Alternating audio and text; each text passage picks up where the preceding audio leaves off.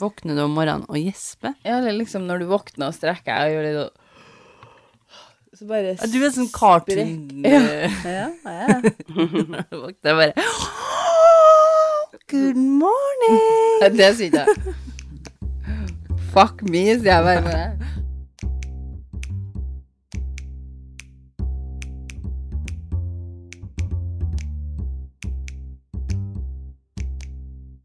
Hei, hei, alle sammen. Eh, Du hører nå på en liten pause med meg, Maria, og søstrene mine. Martine. Andrea. Nå er vi jo da klar med en hovedepisode igjen. Ja. Og vi har jo eh, hatt litt teknologiske problemer Nok en gang. nok en gang. Blir liksom aldri kvitt dem. Nei, Nei. de Det er ikke er sånn at de bare dukker opp én gang, og så er du ferdig med dem, liksom. De kommer på besøk som tante Rød. Mm. Like sjokkert hver gang. Da. Ja, så kommer de sjelden alene. Ja. Det gjør hun rød, da, håper jeg. Altså, Nei, hun har med seg både hodepine, oh, ja. mensensmerter, dårlig mage, dårlig Ah, Løs hud. mage. Ja, uren hud. Opptil flere Ja. venner. Irritasjon. Irrita oh. Litt gråting. eh, litt bad mood. Generelt all over. Jeg har nå egentlig mensen nå, så jeg tar dette som en bieffekt. Tekniske problemer som bieffekt på mensen. Vi blir jo jævlig gode på tekniske problemer til slutt. Vi holder på å bli IT, vi nå. Vi er under utdanning. IT troubleshooters. Ferdig med denne podkasten, så er vi ferdig utlært. Ja. IT. Og når er vi ferdige, da? Er det, har det her utdanningsforløpet Nei, jeg tenker eh, hvis, for, hvis det er i forhold til hvor lenge det er til før vi er IT, så er det i hvert fall sju år. Ja, det, vi er langt unna noen IT-eksperter. Ja, for det er ikke daglig fag. Da har vi kanskje ikke slettet med de her problemene. Nei, det er litt mer sånn praktiske problemer som dukker opp, sånn der, som de kanskje får som oppgaver en gang iblant. Dem får vi kasta litt i trynet en gang i måneden. Er dette et eh, teknisk problem? Mamma, Mm. hva står det der Ja. Et lite. Lite. Nei, det her blir en god start. Føler vi er på, Ja. vi er på god start Vi er på nå. god vei. Hva handler dagens episode om da, Maria? Vet du, denne episoden her skal faktisk handle om en fyr som heter Thomas Blood. Er det noen av dere som vet hvem en Thomas Blood er? Jeg har ikke hørt om den før. Har du det? Ja. Han levde på 1600-tallet. Han gjør det. Thomas Blood er faktisk den eneste personen i historien som har stjålet The Crown Jewels i England. Så det betyr at vi skal ganske mange år tilbake i tid her, som Martine sa. Crown Jewels, er det Hva er det, da? Det er kronjuvelene i England, det, Andrea. Kronjuvelene til kongen, eller? Ja. The Crown Jewels er det som blir brukt for å krone konger og dronninger. OK, Og jeg trodde det var dem som okay. Laget laga Kronjuvelene. nye- Jeg trodde altså Ja. nye prinser. nye konger. Hæ? Vi er Ok. tolv år. Ja. Kronjuvelene til kongen. Det er til meg kronjuvelene til kongen. Som lager nye prinser og prinsesser. Ja. Jeg vil tro det er veldig viktig òg. Men på et vis så er det jo det som uh, ordner nye Ikke nye prinser og sånn, men nye konger og dronninger, da. De uh, initierer dem. Så kanskje det er derfor de kaller det kronjuvelene. Uh, har nok kanskje noe med kroning å gjøre, det. da. Det heter Jo, to crown the king. men kanskje det er derfor vi kaller ballesteinene, eller ballene, Å, du er på dem enda, du. Ja, for de trenger det for å lage nye konger. ok. Ok. Men han Thomas Blood er jo da den eneste i historien som har stjålet The Crown Jewels i England. Og da snakka han om en krone, et septer og en, eh, en form for kule. Og kappe. Eh, Jeg tror ikke de stjeler den, men eh, det er ei kappe med her òg, ja. Og da er denne episoden her da satt til 1671. Så vi skal altså 350 år tilbake i tid her. For en litt sånn her eldre true crime slash history pod. Elsker det. Eller gått litt over i en history. Jeg liker det. Jeg liker det. Jeg liker det. Mer av det her, altså. Så vi kan lære noe andre, og ikke sitte her bare med sånn dum informasjon. Mm, Nå kan dere bare Nei. kjenne at dere blir smartere. Skal vi bare starte? Ja. Thomas Blood, som likte å bli kalt Connell Blood, ifølge en artikkel på Clare Library, var født den Likt å bli kalt Connell. Eh, ja, han, han var ikke en Connell. Connell er oberst på, på norsk. Det, han, lik, han likte å bli kalt Han var ikke kro, liksom krona. Ja, men altså, jeg liker jo å bli kalt konge, men jeg kan jo ikke gjøre det for det. Nei, men han likte det, og han eh, gikk under Connell Blood ganske mye. Eh, det valgte han sjøl. Men, Det var bare men det er jo en tittel du får, ikke sant? Ja, i militæret, ja. Men han tenkte at eh, det gikk helt fint, han kunne bare bruke det. Ja. jeg plukka litt titler. Ja, var litt sånn, det likte han. Ifølge en artikkel på Clare Library så var Connell Blood Han var født i, i 1618 en gang, i County Clare i Irland. Faren hans var en ganske rik smed med eiendom og land i Meath og County Wicklow. Og bestefaren hans eh, sto det var medlem av parlamentet. Så Connell Blood var fra en ganske velstående familie. Ikke noe sånn, ikke noe sånn veldig velstående, tror jeg. Sånn, det var ikke sånn pallaskonsept på dem, men, eh, men de var ikke fattige. Var, de hadde penger. I en artikkel av British Heritage så står det at en Connell han tilbringte mesteparten av oppveksten sin i England, og at han gifte seg med ei Miss Holcroft i 1648 i Lancashire. Det høres ut som et navn fra Harry Potter. Miss Holcroft. Ja. Den engelske borgerkrigen bryter ut i 1642, og Blood kjemper for Charles den første og The Royalists, som støtta kongen.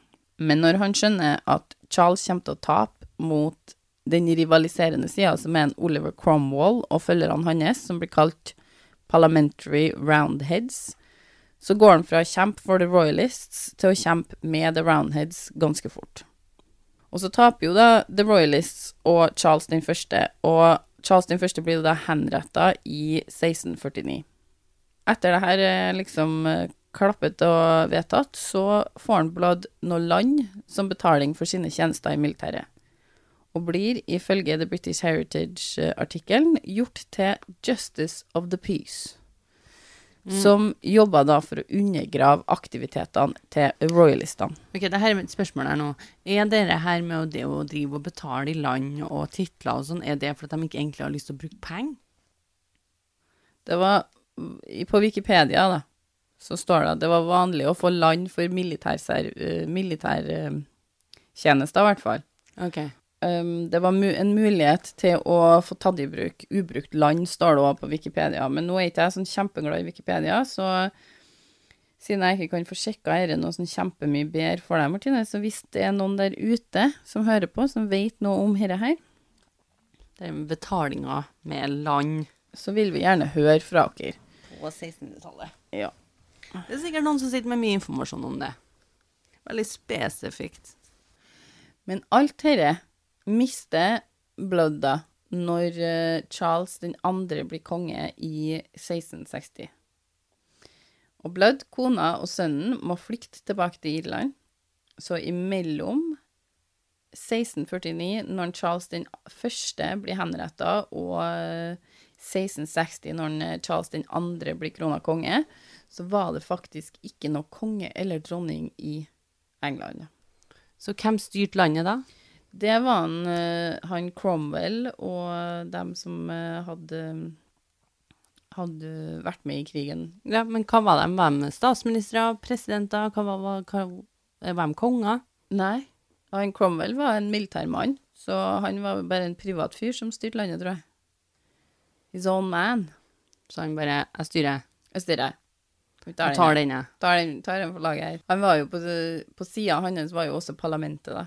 Altså The Roundheads, Parliamentary Roundheads, var jo da parlamentet da, som ikke var spesielt fornøyd med det jobben til, til kongene, og så hadde ikke de så veldig mye innflytelse i parlamentet på det tidspunktet her. De får litt mer etter det her, da.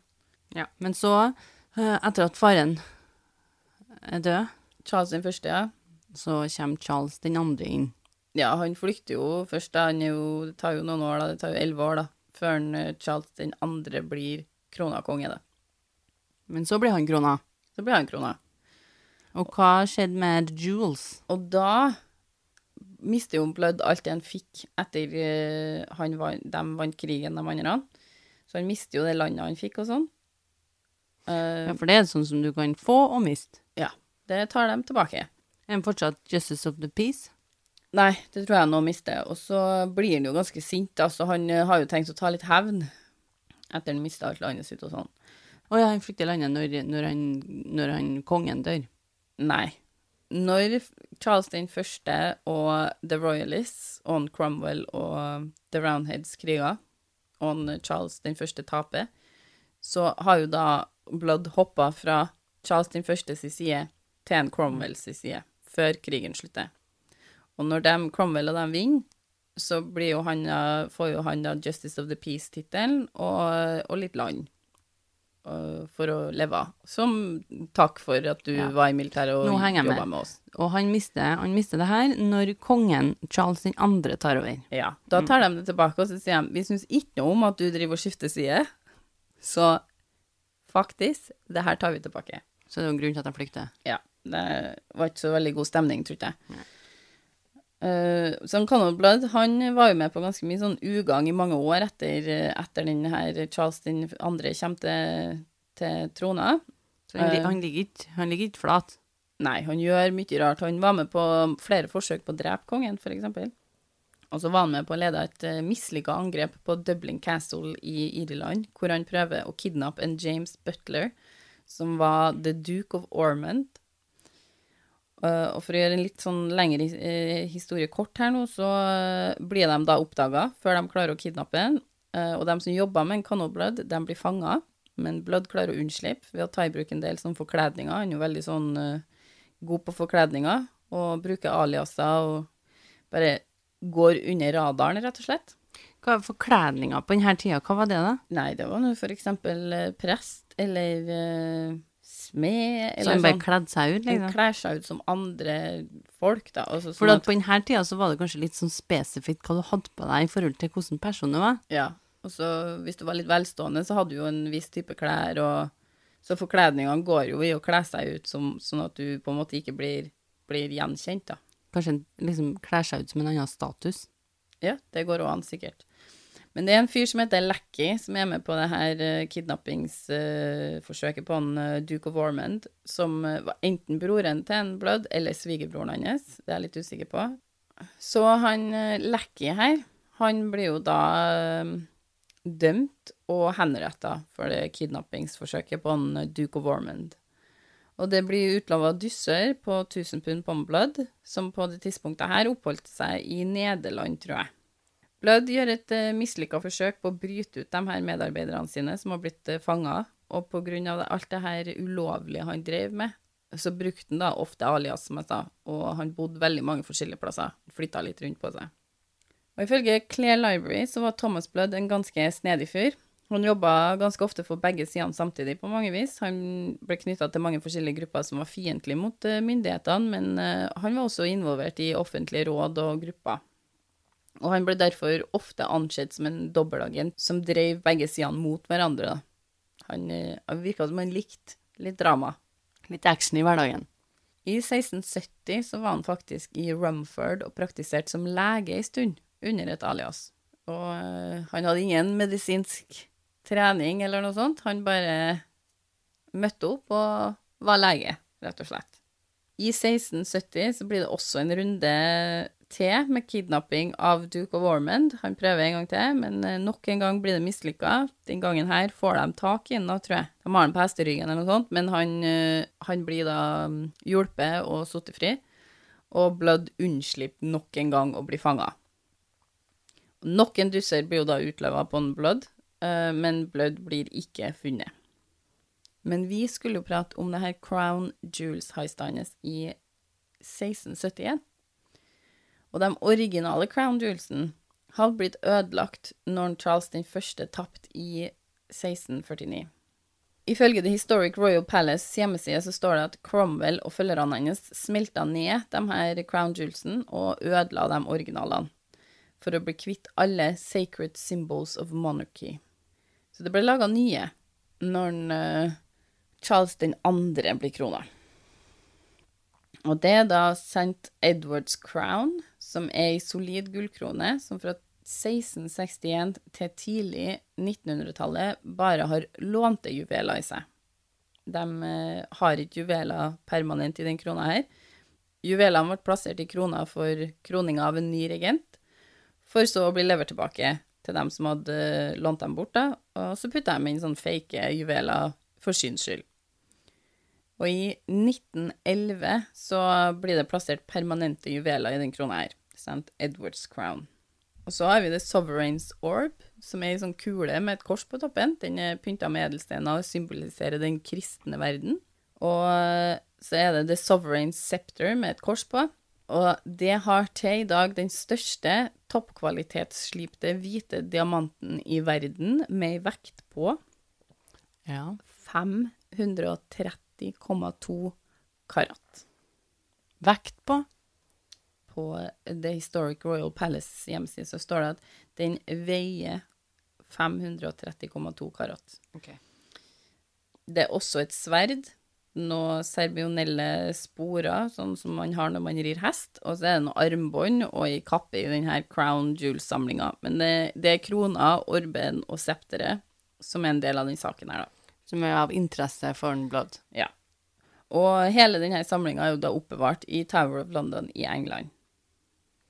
Er det der nå òg? Ja. Mm. Eh, Så Blood han ligger jo da ikke lavt etter han har prøvd seg på The Duke of Ormond for andre gang. Det tar ikke lang tid før han er i gang med å planlegge The Crown Jewel heistet sitt, som blir gjennomført den 9. mai i 1671.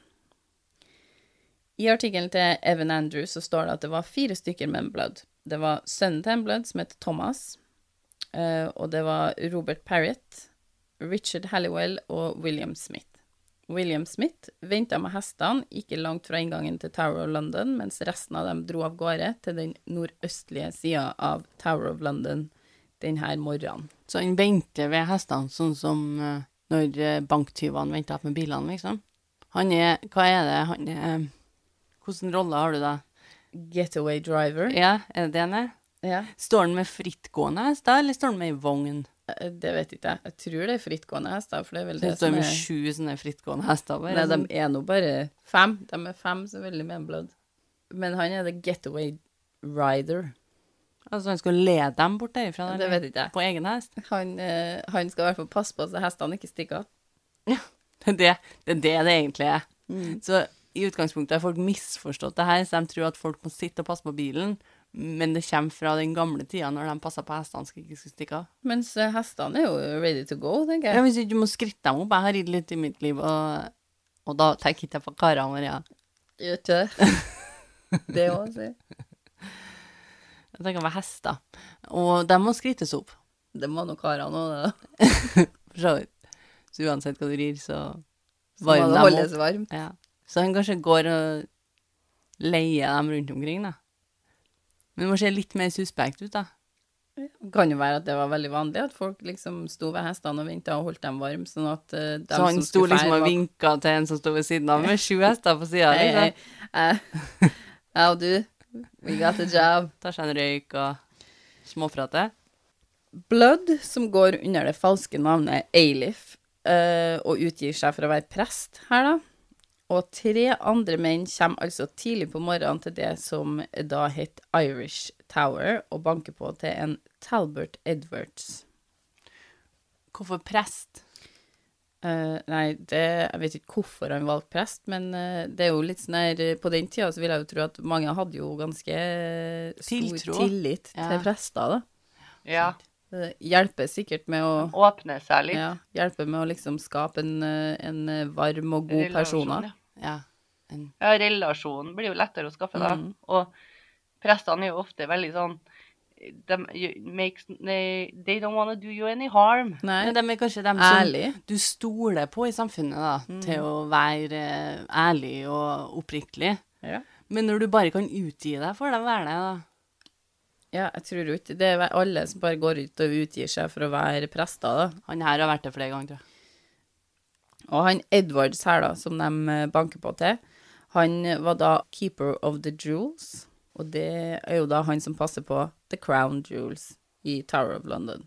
To av mennene med en blood, det er han Robert Parrott og um, Richard Halliwell, var da store og kraftige menn. Og så var det da sønnen til en blood Thomas, som også var med, som eh, var en yngre, litt yngre mann, da. Så Hva noen bor han der? Han Edwards, ja. Ja, så liksom bor han sammen med The Crown Jewels, liksom? ja. Han bor i en leilighet over det rommet The Crown Jewels blir oppbevart i. Så han har en leilighet over det. Noen eh, uker før de banker på til en Edwards her, da, så har han eh, Blood starta med å få en skuespiller, ei dame, da, til å gi seg ut for å være kona hans. Og på history.com sin artikkel så står det at eh, de to under falske navn da dro til Tower of London og møtte Talbert Edwards. Hva var jobben til hun her, da? Hun var skuespiller. Det er skuespillere. Er hun? Ja. Eh, I Europa så har kvinnfolk kunne vært skuespiller på eh, offentlig teater og sånn før det her, men i England så fikk ikke de lov før i 1660, så det har akkurat åpna for kvinnelige skuespillere i, på offentlige plasser i England, da. Ok, Så han har funnet ei skuespillerinne. Ja. Som skulle eh, gi seg ut for å være kona hans. Hadde ikke han egentlig kone? Jo, han er gift. Hvorfor bruker ikke han hun? Eh, jeg tror Jeg vet ikke. Kanskje planen Kanskje høres er- litt fancier ut hvis han får noen til å spille kona. Eh, kanskje hun ikke er med på å gjøre ulovlige ting, det vet ikke jeg. Sitter jo sikkert hjemme og lager mat, hun da. Hun dratt med seg sønnen sin, da, så Ja. Så de banker jo da på til Talbert Edwards, assisterende keeper of the jewels, som jeg nevnte, og, og hadde en visning av kronjuvelene The, The Crown Jewels sammen med han. Blood oppdager da at kronjuvelene blir oppbevart i et vindusløst rom eh, med ei forsterka dør, for du måtte liksom låse opp før du kom inn på rommet, og så inni det rommet her ligger kronjuvelene oppå ei trehylle bak et sånt met, eh, metallgitter, da, sånn at eh, folk ikke skulle ta på dem eller få tak i dem. De eh, får han Edwards til å invitere dem inn i leiligheten sin, som ligger over det rommet her, som jeg sa til Martine. Uh, han har liksom en leilighet som ligger over det rommet hvor kron kronjuvelene oppbevares, og de får det her til ved at den her falske kona til en Blood later som hun blir uvel og trenger å legge seg ned. Så Edwards er litt sånn, ja, kom, kom, eh, liksom, kom inn i leiligheten min, hun kan legge seg ned litt. Uh, så Blood blir jo veldig takknemlig overfor Edwards, siden han viser så stor omsorg for eh, kona til en Blood, og han kommer da tilbake et par dager etterpå med en gave til Edwards sin kone. Så han kommer med en gave til kona til Edwards, og det er da fire hvite hansker. Det er som presten. Det er som presten, ja. Og det her er jo da planen hans. Eh, han skal holde på med herre nå i flere uker ved eh, å være veldig sånn gavmild og komme innom og, og bli venn med det paret her, Edwards-paret, da. Og eh, han er innom hjemmet deres ved flere anledninger, da. Mm, Det er jo derfor de trengte hun skuespillerinna, hvis hun skulle late som hun var dårlig og besvime. Og, og så det er jo ikke sikkert kona hadde fått til det. Han, eh, han bruker denne tida på å bli veldig godt kjent med, med tårnet, da, så der eh, kronjuvelene er, og så vinner han paret sin tillit. Så forklarer han at han har en nevø som kunne ha passa sammen med Edwards ugifte datter. Eh, Blood forklarer at eh, nevøen da er verdt 300 pund i året, som tydeligvis var ganske mye penger på den tida her, da. Hvis du bare kan finne på noe den han er verdt, hvorfor ikke mer? Eh, kanskje det måtte være eh, realistisk, jeg vet ikke. Ja, kanskje. Det var, men det var ikke så ille. Og den her nevøen han ble snakket om, da, det, det er jo da sønnen hans. Han skal bruke sønnen sin som liksom nevø for å gifte den bort. Det her blir jo da møtt med glede og entusiasme fra han Edward, han eh, Blood får beskjed om at eh, han må ta med seg nevøen sin på et besøk, sånn at uh, de kan møtes, de to ung, ungfolket her, da. Så det er sånn vi kommer til den 9. mai i 1671, når Blood og fire menn står på døra til en Talbot Edwards. Tre. Han andre sto på gata med hestene. Blood og tre menn står på døra til en Talbert Edwards, for at en William Smith, han eh, står jo da med hestene. Så Edwards, som var en litt eldre mann, eh, og tidligere soldat, eh, han hadde jo da invitert Blood og nevøen til å komme og spise frokost sammen med familien deres, sånn at dattera hans og nevøen til en Blood kunne møtes, for de var jo da et mulig match her, da. Og som en liten sånn ekstra godbit, så har han lova dem å gi dem en litt, eh, liten sånn ekstraordinær eh, titt på kronjuvelene mens de er her, da. Å, kronjuvelene til kongen. Yes. Det er litt uklart hvem som blir med videre her. Noen av kildene mine sier at det er en Blood Paraton Halliwell, og andre sier også at en Thomas, han sønnen hans, er med videre, da. Men uansett, De uttrykker et ønske om å få se kronjuvelene, så Edvards tar dem med ned i rommet som Blood hadde besøkt eh, med den falske kona si flere uker tidligere, da. Og idet Edvards låser opp denne eh, forsterka døra, så tar Blood og gjengen hans og gagger han og binder han fast. Eller prøver å binde han fast. Men Edvards, som jeg mener var sånn 77 år, han eh, kjemper virkelig tar jobben sin seriøst her. Han eh, lar seg ikke gå ned uten en, eh, en kamp. Og Blood slår han da i hodet med ei treklubbe, og så stikker han han Edwards i magen med en dolk, og etterlater han til å dø der han ligger. Så han her, eh, han, han har ikke ligget på CV-en. Det er noen som burde ha fått en liten promotion der, tror jeg. Ja. Blood og resten av eh, gjengen får da bort metallgitteret som står foran kronjuvelene, og i artikkelen til en Evan Andrews står det forklart at den gjengen her prøvde å få med seg kronjuvelene, men det viste seg å være ganske vanskelig å få gjemt dem her på kroppen uten at de vistes. Så Blood bruker treklubba si for å slå krona helt flat, og en av de andre jobber med å få knekt eller sagd septeret i to, og en tredje mann tar denne orben, den kula, og bare stapper den ned i buksa si. Putte ned i buksa. Hva detter ikke den rett gjennom, da? Mulig de har undergarments som Men ikke en hjelper. blood. Nei, Blood, han, han bruker jo treklubba si og slår denne krona flat, da. Ja, for han har jo på seg sånn her eh, prestekrage og sånn sikkert. Ja, så han har jo på seg sånn eh, kappe. Nå blir jo alt ødelagt. Hvis du står og slår flat ei sånn krone. De, de der juvelene som er i den krona, de, blir jo, de er jo ikke ekte, men de blir jo da smadra. Hva med de, var- de juvelene, de blir knust, fordi at de er ikke ekte. Ja. Men hva er det i verdi da? Er det bare krona i seg sjøl? Men krona er jo solid gull, da. Ja, men er det også på en måte framstille som Ja, det vil jeg tro. At Ikke bare at det er måte- gull, liksom. Det her er krona. Eh, St. Edwards Crown, liksom. Ja, det her er en stor, stor eh, historisk ting. Ja, den er jo ikke så veldig historisk på det tidspunktet her, da, for den er jo laga i 1661. Men kanskje det gjør den også litt sånn at det er noen som har brukt At de har brukt tid og planlagt den her, og så kanskje den er enda mer verdt for jeg at Jeg vet da farsken, jeg. Jeg bare håper og tror at de får tak i den krona. Flat som den er. Den blir historisk, da. Den blir historisk. Ja, den, det, han gjør jo den enda mer historisk, da. Med å stikke av. Men Så i det øyeblikket her, da, så kommer da Edwards sin sønn Wythe hjem. Han er soldat, og han kommer uventa hjem fra, fra hæren. Eh, så han var jo da i leiligheten over dem når de eh, står her og prøver å stappe de her kronjuvelene på kroppen sin. Og en Halliwell, som er satt til å holde eh, utkikk ved døra, han springer inn og sier at du, nå er det noen over oss her. Sønnen hans har kommet hjem. Vi må stikke. Edwards eh, får av seg gaggen rett etter at eh, Blood og gjengen har stukket, og roper alt han klarer. Treason! The crown has been stolen! er det noen som hører den derifra? Ja, han får faktisk eh, eh, kontakt, sånn at han, eh, han får sagt ifra, eller sound the alarm. Altså han Det skjer noe etter han roper, da. Så alarm var på den tida når du ropte? Eh, ja, det gikk på myntmunn. Nei. De har sikkert andre former for å gi alarm, men han hadde jo ikke noen annen mulighet. Nei. Så når han roper, så er det noen som hører han, ja. Og han her er på jobb. Og han er på jobb. Og I en artikkel på History Press så står det da at Blood og gjengen de flykter mot hestene som venter med han William Smith, og de skyter da mot vaktmennene som prøver å stoppe dem.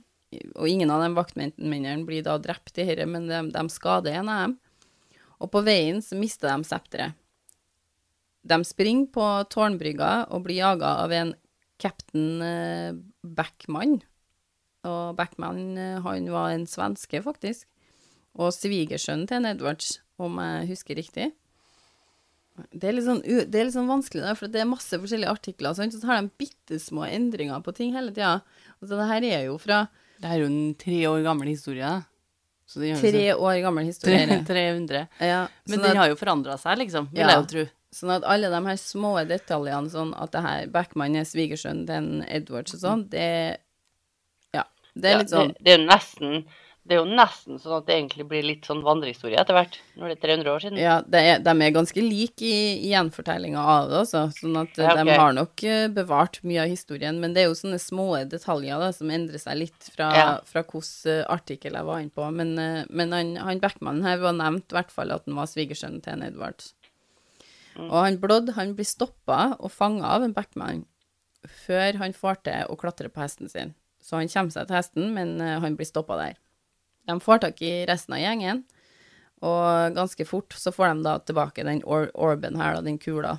Uh, og de finner igjen krona som hadde falt ut av kappa til en Blødd under flukta hans. Blødd og gjengen blir da så til dratt tilbake inn i Tower of London og lagt i lenka. Så når du sier at det her er historien om at de her blir stjålet, The Crown Jewels, så er det jo egentlig historien om når noen prøvde. Ja, men det, ja, eh, men det er jo, de får det jo til. De bare blir jo fanga i flukta si, skulle jeg til å si. Ja, de får jo ikke får det egentlig ikke til. De får det ikke til. Det er et mislykka forsøk, men, men, men de har jo tatt dem. Det er det jeg mener. Ja, de har jo de- stjålet dem på de et har jo tidspunkt. dem. De holder ikke dem så veldig lenge. Nei. De har dem i maks ti minutter, ikke sant? Jeg vet ikke hvor lang den flukta deres er, men de har ikke dem så veldig lenge, nei. Men de får jo tatt dem med seg ut av tårnet, og, så de får jo stjålet dem. Så kaller vi det de, Kaller vi det et suksess? Nei, det er ikke en suksess, det vil ikke jeg si. Jo, for, for de andre. For motparten Ja, er det en suksess. ja, ja, for eh, skulle til å si oss, eller vi Vi som heier på Engelske. vi, som, vi som heier på de gode, så er det en win, tenker jeg. Men er de gode, de kongene? Vi vet jo ingenting om. Nei, det vet ikke vi noen ting om. Men de dem som jobber på den Tower of London, har en jobb, og det er å beskytte dem her. Ja. Sånn at de dem som prøver å stjele dem, er jo da gjort noe eh, som ikke er lov. Blood hadde jo da, når han ble fanga, på ingen måte tenkt å snakke med noen av dem her som, eh, som fanga han. Det er en fyr som driver og, og intervjuer han, eller eh, prøver å få han til å snakke. Er det en sånn Hei, hei! Nu, nu, nu, Med sånn, Hva er det du snakker om nå? Som journalist? Nei, Nei. det er ikke en journalist. Det her er en sånn eh, fyr som er sjef for vakthold eller et eller annet på, på The Tower of, of London. Å, ja. jeg trodde det var en journalist med han. Så Nei. de er jo litt sånn happy. Men det skal sies at uh, eh, det her ble et kjempestort oppslag i, i media. Avisene trykka den historien her. Dette var, dette var ville tilstander. Det stoppa opp alt for at uh, The Crown Jewels has been stolen, liksom. And så- then taken back 15 minutes Ja. later. and, and then Så her er det om å gjøre å selge overskrifter. Ja. The jewels are stolen. Og så under. Has been given back now, but uh, it was very it was, Exciting. uh, it was a trip. It was a high adrenaline. It was really a heist. Uh, ja, nei, men det ble eh, kjempeoppslag i avisene rundt omkring om det, om det her heistet, da. De kunne jo sikkert selge dem òg, vet du. Overskrifter på den tida. Read about blood! Ja. Read about Thomas Jewels are stolen! Og så er de egentlig ikke det. Blood smash the crown! The bloods will be draining. R running. Blood, blood has been running. Blood, the blood will be draining. Yes. no, but blood has been running. in the Tower of London. Ja, men det er overskrifta. Ja. In the tower. Åh, det var dobbel betydning der. Var det en Edward som skada? Han Blo- eh, Blood har vært ute og sprunget litt. Ja, han har sprunget. Han har sprunget. With the jewels. With the jewels. With his crown jewels.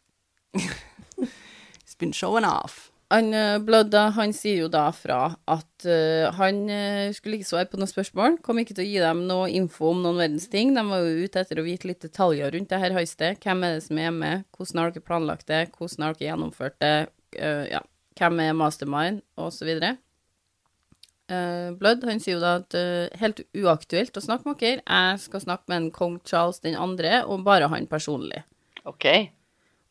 Han, uh, kong Charles den andre, han godtar det her. Så Blood blir jo da ført foran kongen for å svare for det han har gjort her, da. Og da lurer jeg litt på hva dere egentlig tror skjer med en Blood etter han blir eh, ført foran kongen, da. Jeg tror jo at han Det er jo 300 år siden hengt, da. Er ikke det man går for da? Ja, uh, henretta, liksom.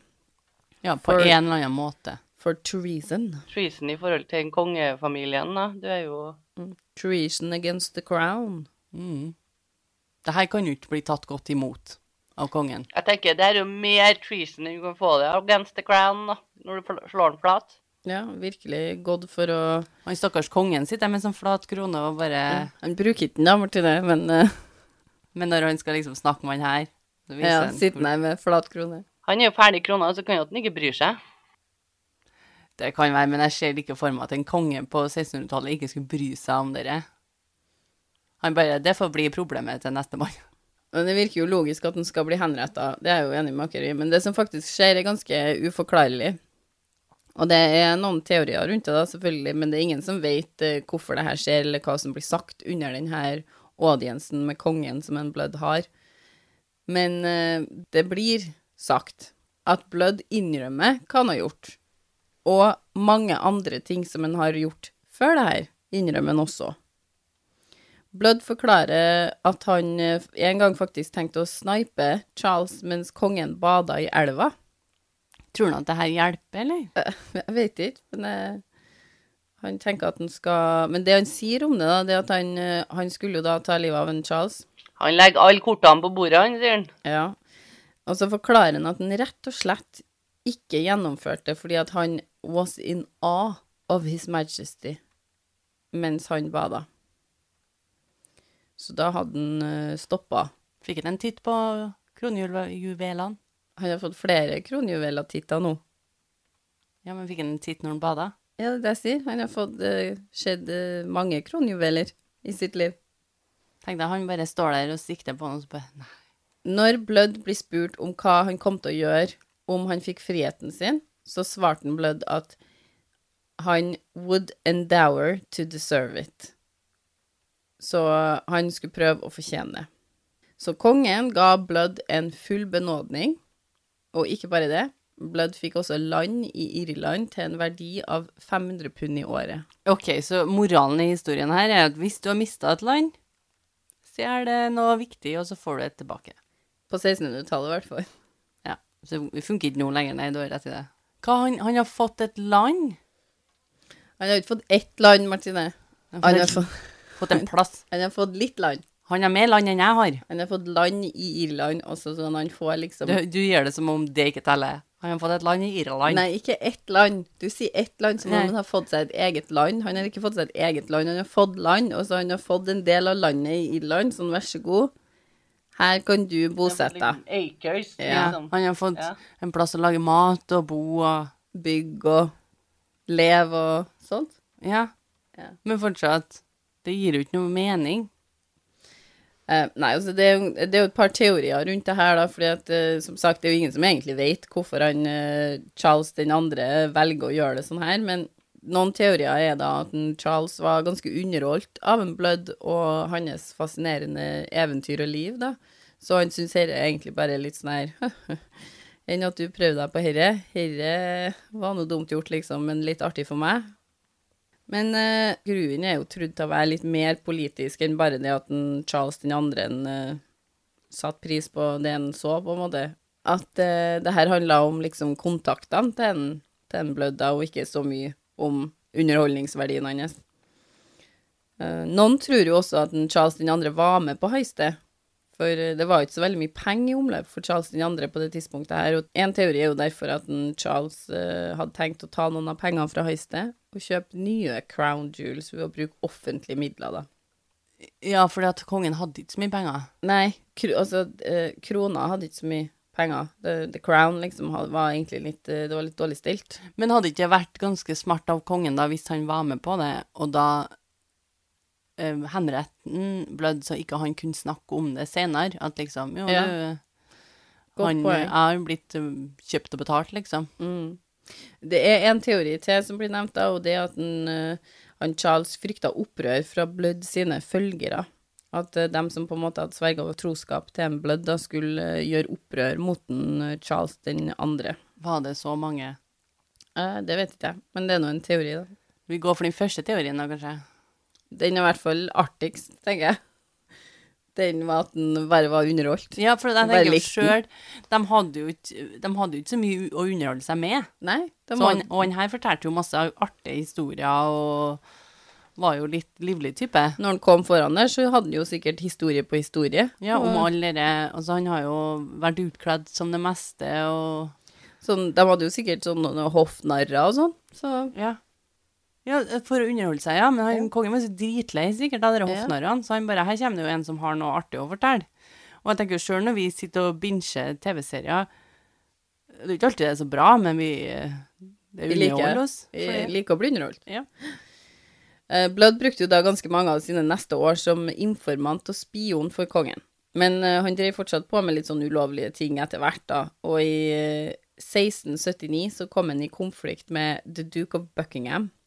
Og The Duke of Buckingham hadde egentlig vært litt sånn forkjemper for han ble tidligere. Han var litt sånn patrion for han og passa litt på han og, og styra på. Men så kom han i en konflikt med han der han, eh, han mente at han Blødd hadde sagt noe fornærmende om navnet hans og den han var, sånn at han sa saksøkte han Blødd for 10 000 pund. Å ja, du kunne gjøre det. Ja, så Blødd han ble satt i fengsel, og ble jo da dømt for det her.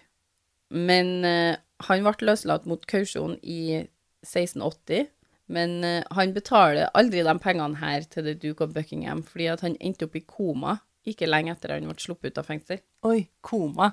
Var det vel Det følte jeg var veldig eh, Passende tidspunkt å ende opp i koma. Men veldig- For ligger han hjem til seg sjøl i koma? Eh, ja, han dør da den 24. august eh, i 1680 som en 62 år gammel mann i sitt eget hjem. Han ble ikke gamlere enn det, nei. Nei, men var, det var nå kanskje gammelt på den tida, her, det da? Ja, sant. Men du hadde han assisterende keeper of the Jewels, da. Han var nesten 80. Han var 77 år, så han var en gammel mann. Ja. Mm. Og han var fortsatt på jobb. Uh, men fordi han var så kjent for å komme seg unna alt mulig rart, så ble kroppen hans gravd opp etter han var begravlagt. Det ville jeg òg gjort. Altså, han der kan ikke du stole mye på. For myndighetene skulle dobbeltsjekke da, at han faktisk var død, og at han ikke hadde faka hele greiene her, da. Ja, for at liksom han- Oi, han endte opp i koma og døde etterpå. Ja, så han slapp å betale de 10 000 der. Ja. Ja. Eh, han ble jo da begravd igjen da, etter de hadde sjekka, og på gravsteinen sto det visstnok ifølge Evan Andrews sin artikkel Here lies the man who boldly have run through more villainies than England ever knew. Gjør det på sånn skikkelig sånn engelsk, men ja, samtidig som du legger litt den her 1600-tallet Det kan jeg jo ikke, men ok. There, there, Juliet. Here lies the man who boldly hath run through more villainies than England ever knew. And bow. Thank you very much. Thank you, thank you. Og det var alt vi hadde for denne gangen. Jeg vil ha en sånn der uh, tombstone. Ja. Uh, og det her var jo da uh, vår første history slash true crime-episode. Og det blir ikke den siste. det blir ikke den siste. Eh, vi håper dere uh, satte pris på den eh, lille pausen vår. Den har vært eh, utfordrende å spille inn, for det har vært litt mye, Ja, uten tvil. uten tvil. Men følg oss gjerne på Instagram. En liten pause. Eh, vi har en mail om dere foretrekker det. En liten pause podcast at gmail.com. eh, Hvor dere kan, eh, om dere vil, sende inn historiene deres som vi kan ha på de bitte små pausene våre. Og det kan, som vi har sagt mange ganger før, være hva som helst. Vi har fått inn mye spøkelseshistorier, og det er jo veldig artig, men vi kan også Vi tar også oppdikta historier. Dem dere har laga sjøl, dem dere har hørt fra en venn, dem dere har hørt om noen andre. Uh, Trenger ikke å være en egenopplevd spøkelseshistorie. trenger ikke å være det. Og vi, eh, du trenger ikke engang å si at du har dikta opp en. Hvis du dikter en historie, For det kan bli artigere å høre på etterpå. ja, så eh, Hvis vi tror den er trenger ikke å vite noen sånne ting. Men uh, send inn hvis du har noe. Uansett, Andrea er tause på gryta i dag. Du er pen, da. uansett, tusen takk for at du lytta på. Vi høres. Ha det. Ha det.